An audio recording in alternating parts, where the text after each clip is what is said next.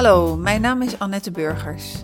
In Rotterdam heb ik mijn Stiefgoed Rotterdam coachpraktijk waar ik veel samengestelde gezinnen coach. Hieruit blijkt, en dat weet ik ook uit eigen ervaring, dat een samengestelde gezinsrelatie topsport is. Het is ingewikkeld, uitdagend, slopend, maar ook energiek, prachtig en liefdevol. Op school hebben we nooit les in de liefde gekregen. We leren het gewoon weg door te doen, door te vallen en vaker weer op te staan. Ik ga in mijn podcast op zoek naar de liefde, op zoek naar liefdesverhalen, vol met succesvolle en soms verrassende tips, mooie, maar ook pijnlijke ervaringen en vooral naar inspiratie, motivatie en dat alles met een lach, een traan en vol liefde. Vandaag is het de tweede zondag van oktober en dat betekent Nationale Stiefouderdag. Een perfect moment voor een interview met Patricia Heijen, stiefcoach, relatietherapeut, ervaringsdeskundige en oprichter en directeur van Stiefgoed Nederland. Patricia vertelt haar eigen verhaal, ook door schade en schande wijzer geworden, en geeft veel inzicht en tips. Veel luisterplezier.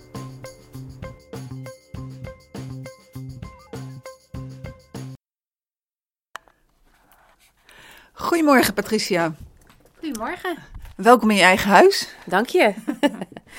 Ehm, ja, ik val maar gelijk eh, met de deur in huis. Wat is jouw eh, relatiesituatie op dit moment? Eh, ik ben getrouwd met Marco inmiddels, sinds een jaar. En wij hebben samen vijf kinderen. Zo, wauw. hoe is dat zo gekomen, die vijf kinderen? Nou, die vijf kinderen waren er natuurlijk al voordat wij elkaar ontmoetten. Inmiddels zijn ze 19 eh, tot en met 24. Eh, en toen ik eh, zijn kinderen ontmoette, waren ze nog nou, een jaar of 7, 8, 9. Ehm, dus ze zijn al even in mijn leven. En eh, wij hebben elkaar ontmoet nadat wij allebei gescheiden waren. Van eh, hij van zijn vrouw en ik van mijn man. Ehm, ja, wij ontmoetten elkaar en ik vond het heel erg leuk dat hij kinderen had. Want dat sloot in ieder geval eh, één belangrijk ding voor mij eh, uit. En dat was eh, dat hij wellicht niet zou kunnen begrijpen wat het betekent om ouder te zijn. En wat het dus ook met zich meebrengt. Dus daar was ik heel erg blij mee, dat hij, dat hij ouder was. En ehm, eh, ik ben wel van de gezelligheid, dus hoe meer kinderen, hoe meer vreugd. En het is ook eigenlijk wel zo gebleken dat dat zo is, met vijf kinderen. Een hoop gezelligheid. Maar even terug naar het begin. Hoe en waar eh, hebben jullie eh, elkaar ontmoet? Want je ogen gaan helemaal stralen. Dus dat was vast een mooi moment. Ja, en, en dat na bijna twaalf jaar, hè? Dat zegt nogal wat. Ehm, we hebben elkaar ontmoet via internet. Zoals het, eh, weet ik inmiddels, heel erg vaak gaat op dit moment. Toen de tijd was het eigenlijk nog vrij nieuw. Ehm, en het mooie was dat ik een beetje aan het, aan het zoeken was eh, naar ehm, eh, materiaal wat, eh, wat eventueel eh, eh, wel een blijvertje zou kunnen zijn. Dat klinkt toch plastisch, hè? Eh, maar goed, zo was het wel. Het was ook wel, eigenlijk wel gewoon heel erg lollig en grappig. En eh, een hele leuke tijd. Ook omdat Bedoel je dan eh, eh, een hele leuke tijd het, het, het appen? Of, eh, Nou, het, het leuke was vooral eh, eh, die zoektocht. Het werd toch, was toch een beetje een soort van grap. Zo van, nou, laat ik eens even kijken wat mijn marktwaarde is. Dat, hè, dat niveau. Eh, hoeveel, even tussendoor, maar hoeveel heb je er getest? Nou, niet zo heel veel. Ik moet zeggen dat eh eh, Marco al redelijk snel eh, eh, zichtbaar werd voor mij. Eh, en hij had ook zoiets van, ja, het is nog een beetje snel naar mijn scheiding, dus eigenlijk wil ik nog helemaal geen relatie. En dat was eh, hetgene wat mij eh, enorm triggerde. Ehm, want dan hoef je ook niet. Dus we hadden eigenlijk alleen maar appcontact. Of toen de tijd was dat via Messenger volgens mij, of zoiets dergelijks. Ehm, eh, en we hadden echt de meest fantastische gesprekken. Maar we wilden toch geen relatie met elkaar. Dus ik voelde me ook heel vrij om helemaal mezelf te zijn. En hij volgens mij ook. Althans, daar leek het wel op in ieder geval. Ehm, totdat ik uiteindelijk ging daten met iemand. En hij ehm, te- van tevoren tegen mij zei, en dat had hij natuurlijk nooit moeten doen, want vervolgens had hij date geen eh, slagingskans meer. Eh, van, als dit nou niets wordt, dan gaan wij wel een keer daten met z'n tweeën. En ik heb pas eigenlijk achteraf gerealiseerd wat dat betekende. Dus die date toen de tijd, die heb ik ook half bewust meegemaakt. En ik heb hem vervolgens afgeserveerd omdat hij ook een gele muur had. Dat is ook echt wel de grap in onze familie nu. Uh, dat ik gewoon iemand uh, uh, nee heb gezegd omdat hij ook een gele muur had. En ik vond het zo ontzettend lelijk. inmiddels ben ik daar ook van teruggekomen namelijk. Inmiddels is het best wel mooi. maar toen de tijd dacht ik, nou weet je, ik moet echt geen man met ook gele muren. En toen kwam ik terug in de lucht bij Marco. En toen zei ik dat ook. Van, nou weet je, dat was natuurlijk helemaal niks. Want hij had ook gele muren. En vervolgens uh, zouden wij gaan afspreken. En dat is ook gebeurd. Zoiets. Ja, en toen? En toen? Het duurde nog wel een week of drie, vier voordat wij elkaar voor de eerste keer zagen, want wij gingen allebei op vakantie. Maar ja, in die vakantie, ik heb nog volgens mij nog nooit zo'n hoge telefoonrekening gehad. Want toen de tijd communiceerde je met elkaar via sms. Hè, WhatsApp was er nog niet. Uh, en bellen in het buitenland uh, met kinderen erbij. Dat was ook een beetje overdreven. Uh, dus we hebben heel veel getekst met elkaar. En ik was echt toen altijd over mijn oren verliefd. En toen had je hem dus nog niet gezien? Nee joh. Nee, ik had één foto ooit gezien. Maar echt, ik was het over mijn oren verliefd. Oh, het is in ieder geval niet tegengevallen daarna. Nee, nee dat is ook wel het mooie. Want ik, ik moest hem ook gewoon zien daarna. Dus ik was volgens mij één dag terug of zo van vakantie. En uh, toen stond hij bij mij op de stoep. En ik weet nog dat ik de deur opende en alleen maar dacht: dit, dit, dit is hem, dit klopt. En wij liepen de gang door, en ik vind dit zo'n romantisch moment. En we liepen de gang door en naar de keuken.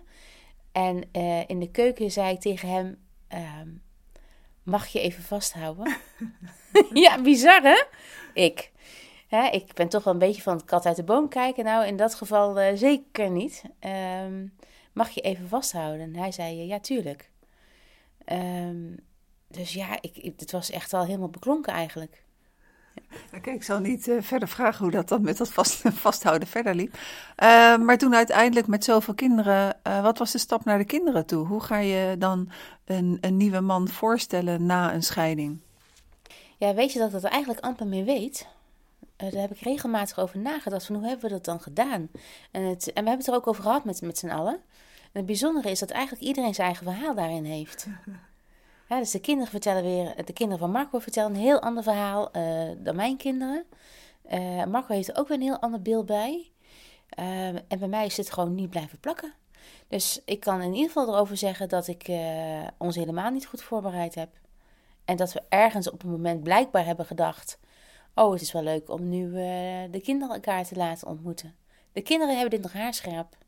Het helemaal, hoe dat ging, waar ze elkaar troffen op straat omdat ze al vooruitgelopen waren, dat soort dingen. Maar ik, eh, het is bij mij helemaal, uh, helemaal blanco. Nu gebeurt er natuurlijk ook wel ontzettend veel in zo'n tijd. Zo'n periode. En toen was het natuurlijk nog niet zo lang gescheiden.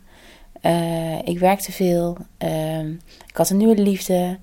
Ehm, ik wilde ook mijn best doen voor, voor zijn kinderen. Ik wilde mijn best doen voor mijn kinderen. Dus ik vond het wel een, een redelijk indrukwekkende tijd. Dus ik kan me ook wel voorstellen het daarom niet zo helder is bij mij hoe het mhm. gegaan is. En wat krijg je dan terug van de kinderen? Van, van het, we zagen hem op straat? Nou, ze zagen Marco niet op straat. De kinderen zagen elkaar op straat voor de eerste keer. Uh, en zij vertellen eigenlijk alleen maar leuke verhalen daarover. Dus er zit geen spanning omheen of zo. Dus dat is wat zij, uh, wat zij mij teruggeven. Ik weet nog wel de eerste keer dat uh, mijn oudste zoon Marco zag. want ik had met Marco afgesproken bij mij thuis. En uh, de kinderen lagen alle bed. En toen kwam de oudste even naar beneden. Om te kijken wie er nu eigenlijk aan praten was in de tuin. Dus die hadden elkaar al ontmoet. Maar dat is eigenlijk het enige moment dat me echt bijstaat. Ja. Oké, en na dat uh, beginmoment, als je dan uh, echt aan het latten bent en, en de kinderen een plek hebben, ja, hoe, hoe verliep dat? Nou, ik zei, ik zei net al dat ik echt tot over mijn oren verliefd was. dat was ook echt zo en heeft zeker nou, zeker het eerste anderhalf jaar zo uh, uh, wel geduurd. Die grote roze wolk. Een uh, opleider van mij, die heeft het wel eens dubbele psychose genoemd. Als je allebei verliefd bent. Um, want ik, als ik erop terugkijk, realiseer ik me echt wel dat wij niet altijd de even slimme dingen hebben gedaan. We zijn bijvoorbeeld met z'n allen op vakantie geweest. Drie weken. Dat was onze eerste vakantie. Drie weken. Met een camper die we gekocht hadden. Um, maar dat is natuurlijk idioot. Wie bedenkt nu om met vijf kinderen in één camper voor de eerste keer op vakantie drie weken lang door Frankrijk heen te gaan trekken? Het is een wonder dat het daarna niet uh, geklapt is natuurlijk. Nee, maar daar hebben we wel krassen opgelopen. Dat is zeker wel gebeurd. Het heeft ook al een aantal jaren geduurd voordat ik weer op vakantie durfde met z'n allen. Ja, ik heb er ook wel een, uh, een blog over geschreven die op, uh, die op de website staat. Uh, want dat was een hele indrukwekkende vakantie waarin we alles hebben gedaan wat niet handig is. Kan je er een voorbeeld van geven? Nou, wat ik net al zei, met vijf in één camper. het altijd gezellig willen hebben. iedereen bij elkaar houden. Ehm, we hebben er helemaal geen rekening mee gehouden dat kinderen misschien wel eens iets meer tijd nodig hadden om elkaar te leren kennen. Uh, nou, wij vonden elkaar leuk en ergens in het onbewuste hebben we ook maar gedacht dat uh, die, die kinderen die in de weekenden prima met elkaar konden, dat ook heus wel drie weken vol zouden houden. Het was echt niet in mijn hoofd opgekomen van tevoren dat het misschien wel eens lang zou kunnen zijn. Het zou gewoon een wereldvakantie worden. nou, en dat is denk ik wel de grootste kras geweest toen de tijd. Uh, dat de wereld er gewoon zo niet uitziet. En wat heb je toen met die kennis gedaan? Rustiger aan. Met name rustiger aan. En dat heeft, uh, heeft mij in ieder geval wel geholpen. Uh, we zijn nog wel leuke dingen blijven doen, ook met de kinderen. Uh, maar niet meer, we zijn nooit meer drie weken met elkaar op vakantie geweest, bijvoorbeeld. Dat, ga, dat adviseer ik ook nooit iemand om dat te doen. Ehm, en ik, ik heb bijzonder veel waardering voor de, voor de koppels waarbij dat wel lukt. Dat moet ik ook bij zeggen. Die hebben blijkbaar iets wat ik in ieder geval niet heb. Um, ja, we hebben dus eigenlijk gewoon vooral rustiger aangedaan. Uh, wat meer respect ook voor iedereen, uh, iedereen hoe die is. En uh, ook wel de verschillende culturen die er ook natuurlijk ook gewoon is. Ehm, zijn gewoon hele andere mensen. En na hoeveel jaar zijn jullie samen gaan wonen? Ja, een aantal jaar. Ik denk na een jaar of drie, vier. ik heb het niet, niet helemaal helder. want ook het samenwonen um, dachten wij echt doordacht te hebben gedaan. Maar goed, weet je, achteraf weet je het altijd beter, hè? zo is het ook. En het was ook bij ons zo. Uh, bovendien was het uh, toen de tijd zo dat je gewoon ging samenwonen. Nu wordt er wel gesproken over je voorbereiden en uh, de verschillen en waar je rekening mee moet houden. Maar dat was toen de tijd helemaal niet zo. Dus in onze situatie, we hadden allebei een, een koopwoning. En Marco trok bij mij in. Uh, en dat betekende voor ons dat wij uh, een kamer voor zijn dochter ehm, in orde maakten. Dat zijn zoon bij een van mijn zoons op de kamer zou gaan slapen. en dat zou alleen maar in de weekenden zijn, overigens, als ze bij ons zouden zijn.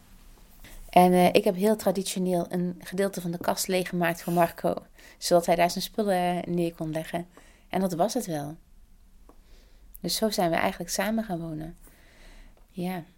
Met de kennis van nu, wat zou je dan zeer zeker anders gedaan hebben?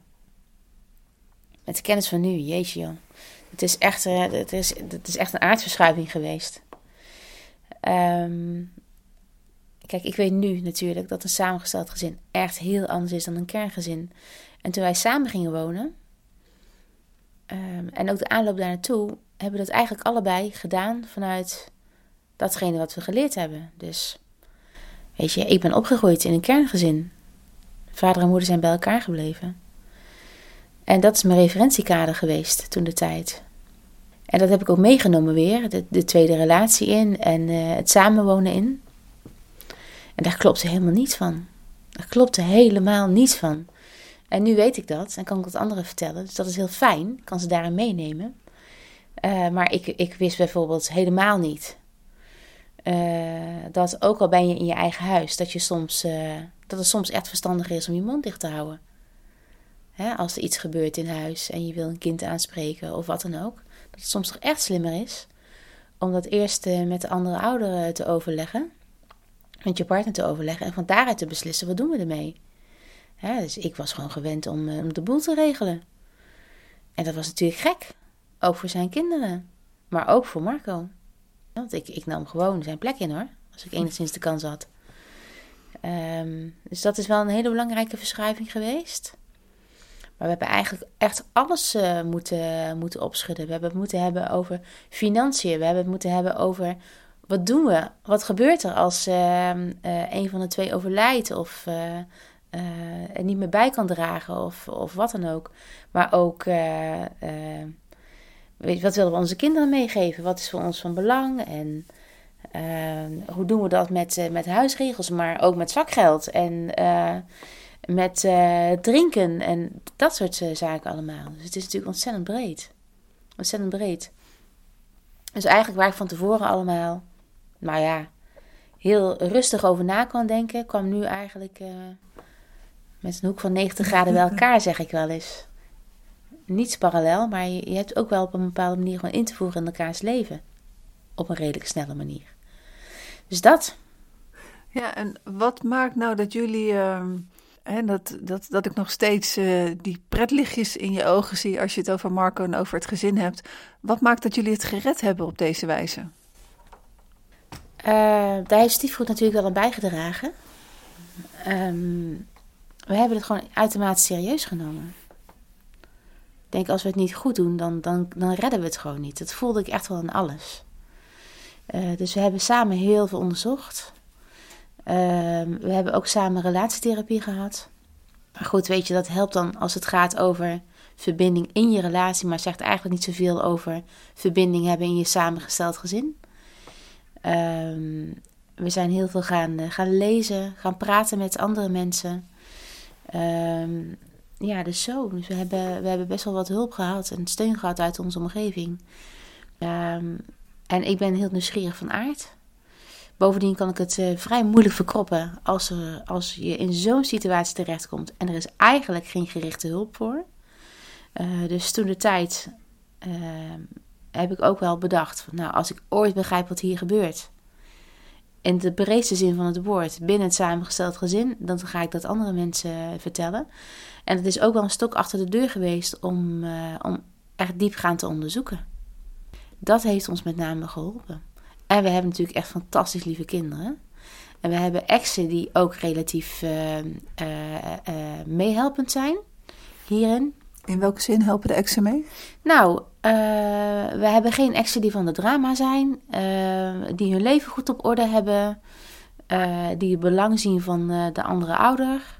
en dat helpt natuurlijk allemaal. Kijk, als je nog in een, in een hele lastige scheiding verwikkeld bent, dan komt er ook wel behoorlijk wat druk op zo'n nieuwe relatie te staan. Hè? bovendien zijn de kinderen daar natuurlijk ook ontzettend de dupe van. Dat was bij ons allemaal niet zo. Wij vonden het moeilijk, Marco en ik. Kinderen waren oké, deden het oké, ze deden het oké, alleen wij vonden het ingewikkeld. Mhm. Dus dan heb je natuurlijk ook wel uh, ja, de wind in de zeilen eigenlijk. Ja. Welke eigenschap heeft Marco uh, die eraan meegeholpen heeft dat jullie er goed uitgekomen zijn? Nou, wat ik, wat ik heel erg bewonder in hem, is dat hij één ding belangrijk vindt en dat is dat hij zijn kinderen niet tot last wil zijn. Dus hij zal dat nooit omdraaien. Hij zal uh, niet eisend zijn naar zijn kinderen. Niet vinden dat ze hem moeten bezoeken. Uh, niet vinden dat ze moeten bellen. Dat soort, dat soort dingen allemaal. Verwacht hij ook niet van mijn kinderen. Dus hij vindt echt dat kinderen een eigen leven mogen leiden. En dat wij er zijn om de kinderen te begeleiden en niet andersom. Klinkt heel mooi inderdaad. Ja. Wat zou hij zeggen op deze vraag over jou? Welke eigenschap heb jij? Oh nee. Annette, dit hadden we niet afgesproken. ik heb geen idee. Wat zou hij zeggen over mij? Um, nou, ik denk wel dat, uh, dat ik uh, uh, goed contact heb met mijn kinderen. Dat ik daar in ieder geval alles aan doe om goed contact te hebben met mijn kinderen. En ze ook echt zie. Ik denk dat hij dat zou zeggen. Mm gaat dan ook over kinderen. Dus dat, dat, hoort. Kinderen, ja, ja, precies. Ja. Uh, nou, je zei net al van, uh, nou, ik heb alles onderzocht, uh, stiefgoed opgezet. kan je daar iets meer over vertellen? Patricia en stiefgoed. dat is inderdaad wel hoe ik het zie, hè? Patricia en stiefgoed en stiefgoed en Patricia. stiefgoed is heel belangrijk voor mij. Um, omdat ik daarmee uh, hoop verschil te maken voor uh, al die gezinnen die er zijn in Nederland. Al die samengestelde gezinnen die er zijn in Nederland. Ehm, en dat ze wat makkelijker naar harmonie en rust toe kunnen groeien. Ik weet natuurlijk uit eigen ervaring uh, hoe dat is. Um, stiefgoed is niet alleen van, van mij, maar ook, wordt ook gedragen door heel mijn gezin en mijn familie. Iedereen weet ervan. Het gaat bijna niet anders. Nou, inmiddels is Stiefgoed een landelijke organisatie. Uh, we hebben twintig vestigingen. En uh, iedere vestiging uh, wordt geleid door een hele goede therapeut of een coach, die daarnaast ook nog eens ervaringsdeskundig is. En in die praktijk werken we met de bewezen stiefgoedmethodiek. Die is gebaseerd op alle ervaring die we hebben met elkaar. dat hebben we naast alle therapeutische methodieken gelegd die er al zijn. en vervolgens aangepast aan het samengestelde gezin. Um, nou, we, we, coachen, we geven workshops en, uh, en, trainingen. En we zijn eigenlijk ook voortdurend in ontwikkeling. We willen ontzettend goed werk verrichten uh, en een zo groot mogelijke doelgroep bereiken. Uh, en natuurlijk het percentage samengestelde gezinnen die uit elkaar valt, bijstellen naar beneden. Um, nou, waar we het meeste tijd aan besteden is stiefcoaching en relatietherapie en ouderschapscoaching. Wat kan de invloed zijn van, van een vervelende scheiding of van een vervelend verleden in, in, in je nieuwe samengestelde gezin? Uh, um, voor mij zijn het even twee verschillende dingen: vervelende scheiding en vervelend verleden. Uh, ik begin even bij vervelende scheiding. Kijk, het vraagt zoveel aandacht om een nieuw gezin op te bouwen, om, om 24-7 voor je kinderen opgesteld te staan en daar altijd goed voor te zorgen. Uh, dat een extra, een, of een, een zo'n lastige ex-relatie, gecompliceerde ex-relatie noemen we dat dan. Uh, ja, dat eigenlijk gewoon heel veel energie daar naartoe gaat. Hè? Je hebt toch het idee dat je het ook goed moet doen. Ook nog voor je ex-partner. En, en je kinderen zijn daar ook nog heel veel tijd bij de ex-partner. Dus dat is allemaal hartstikke ingewikkeld. En bovendien, wat in ieder geval voor ons het ergste is, is dat de kinderen ertussen staan. Dus die kinderen die uh, krijgen niet altijd, maar die voelen dat wel. Aan aan de, bij de ene ouder krijgen ze mee dat die andere ouder toch eigenlijk echt niet deugt. En dan gaan ze naar die andere ouder en dan krijgen ze mee dat die andere ouder toch echt niet deugt. Wat gaat een kind dan over zichzelf denken? Want het, is immers, immers het product van, uh, van deze twee ouders. Dus dat is voor uh, kinderen echt ontzettend ingewikkeld. Die zitten echt in de knoei daarmee. En als dan ook nog een nieuwe partner is, waarvan uh, de andere ouder wellicht ook niet al te mooie dingen zegt. Ja, waar blijf je dan als kind zijnde? En kinderen, die hebben magische gedachten. Dus die gaan het gewoon proberen te fixen. Dus die gaan hun best doen op hun eigen manier om te proberen om weer rust te krijgen. Om weer harmonie te krijgen in dat geheel. En dat lukt ze niet. Dat kan niet. Dat kan niet. Dus ja, het geeft, uh, het geeft onveiligheid voor kinderen, maar ook voor volwassenen. Het geeft onrust. Ehm, het geeft frustratie. Het geeft verdriet. Met name ook bij kinderen geeft het veel verdriet. Maar ook bij de ex hoor. Het wordt vaak weggedrukt. Er zit vaak woede overheen. Maar verdriet is zeker wel voelbaar. Eigenlijk, als dat niet opgelost is, niet echt opgelost is, kan je niet echt een vervolgstap maken. Oké, jij hakte mijn, uh, mijn vraag in twee. Het waren ja. natuurlijk ook twee vragen ja. in één, heel stiekem. Uh, het andere deel, een uh, lastig verleden? Ja, een lastig verleden. Dat, uh, kijk, iedereen heeft een verleden. Zo simpel is het. En iedereen heeft pijnpunten, kras op zijn ziel. Zo is het ook. Maar wat ik wel veel zie hier is als iemand pijn heeft in het samengesteld gezin, is dat het eigenlijk um, dat het wel getriggerd wordt in het samengestelde gezin, maar dat het eigenlijk gaat over het verleden. Niemand vindt het fijn om buitengesloten te worden of om het gevoel te hebben om buitengesloten te worden. Maar als je als kind doodgezwegen werd op het moment dat je uh, iets niet deed of niet perfect deed of wat dan ook, uh, dan heb je als kind al geleerd dat de straf buitengesloten worden is. En als je dan in zo'n nieuw samengesteld gezin zit en je nieuwe partner uh, trekt zijn kinderen op de bank en gaat lekker met, met, met drieën op de bank knuffelen en je mag er niet bij, dan kom je eigenlijk weer in die pijn terecht van vroeger. En uh, dat, is het, uh, dat is eigenlijk het ingewikkelde, de, de, de, de krassen op je ziel. eh, de echte pijnpunten die, die je met je meedraagt, die in je rugzak zitten, ja, die kom je gewoon weer tegen in het samengesteld gezin. Dat is de invloed. Dat is de invloed. Ja, en het wordt extra getriggerd in het samengestelde gezin, terwijl in het vorige kerngezin uh, dat toch iets anders was, of je het je niet bewust was. Of... Nee, uh, bovendien, weet je, een relatie spiegelt alles. Hè? Laten we dat even voorop stellen. Als je iets nog op te lossen hebt met jezelf, dan zie je dat terug in de relatie. omdat het het dichtst bij is. nee, in een kerngezin. Weet je, in de kerngezin speelt het, het, uitsluiten helemaal niet. En dat is wel wat we heel veel zien binnen, binnen een samengesteld gezin. Het vormen van, van bondjes, uitsluiting, er niet toe doen. Dat is allemaal niet aan de orde binnen een kerngezin, omdat je daar een vanzelfsprekende rol hebt. Je bent nu eenmaal de ouder, punt. Niemand anders is dat. Ja, je partner. En binnen een samengesteld gezin komt dat precies onder druk te staan. Want wat ben je, wat ben je dan nog als je niet de ouder bent? Wat blijft er dan over en hoe doe je dat dan? Mm. Dus dat, dat, is de grote zoektocht. Mm. Nou, dankjewel voor zover. Uh, Patricia, ik, ik, kan me voorstellen dat je echt duizend tips hebt. Maar wat, wat is je top drie? Je top drie aan uh, tips. De top drie. Um, de top drie. Nou, ik denk de eerste en de belangrijkste is: neem gewoon de tijd. Overhaast het niet. Uh, je hebt nog alle tijd, ook al denk je soms van niet. Weet je, maar tijd heelt echt. Je hebt nu eenmaal bij te komen van een vorige relatie. Kinderen hebben bij te komen van een vorige relatie. Je hebt elkaar nu eenmaal op je gemak te leren kennen. Uh, dus geef, geef jezelf ten eerste, maar ook andere tijd. Dat is een heel belangrijke. Uh, stel je verwachtingen bij naar beneden. Uh, je zit in het begin, nou de meeste in ieder geval, op een grote roze wolk.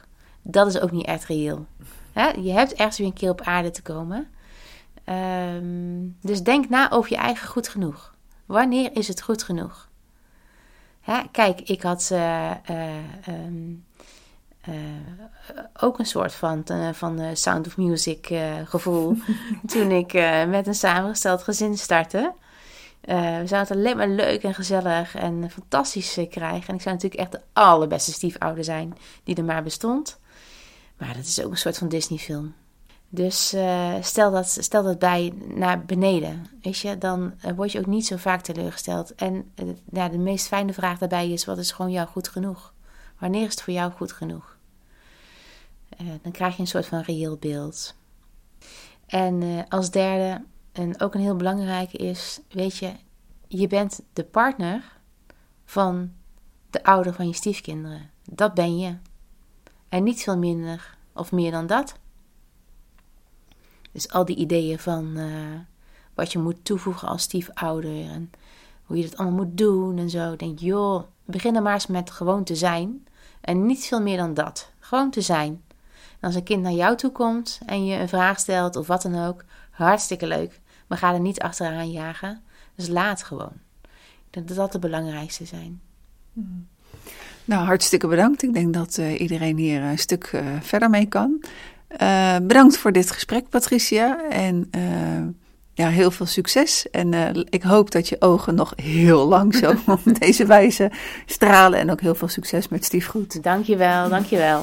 Voor de luisteraar, over twee weken is de volgende podcast. Tot dan!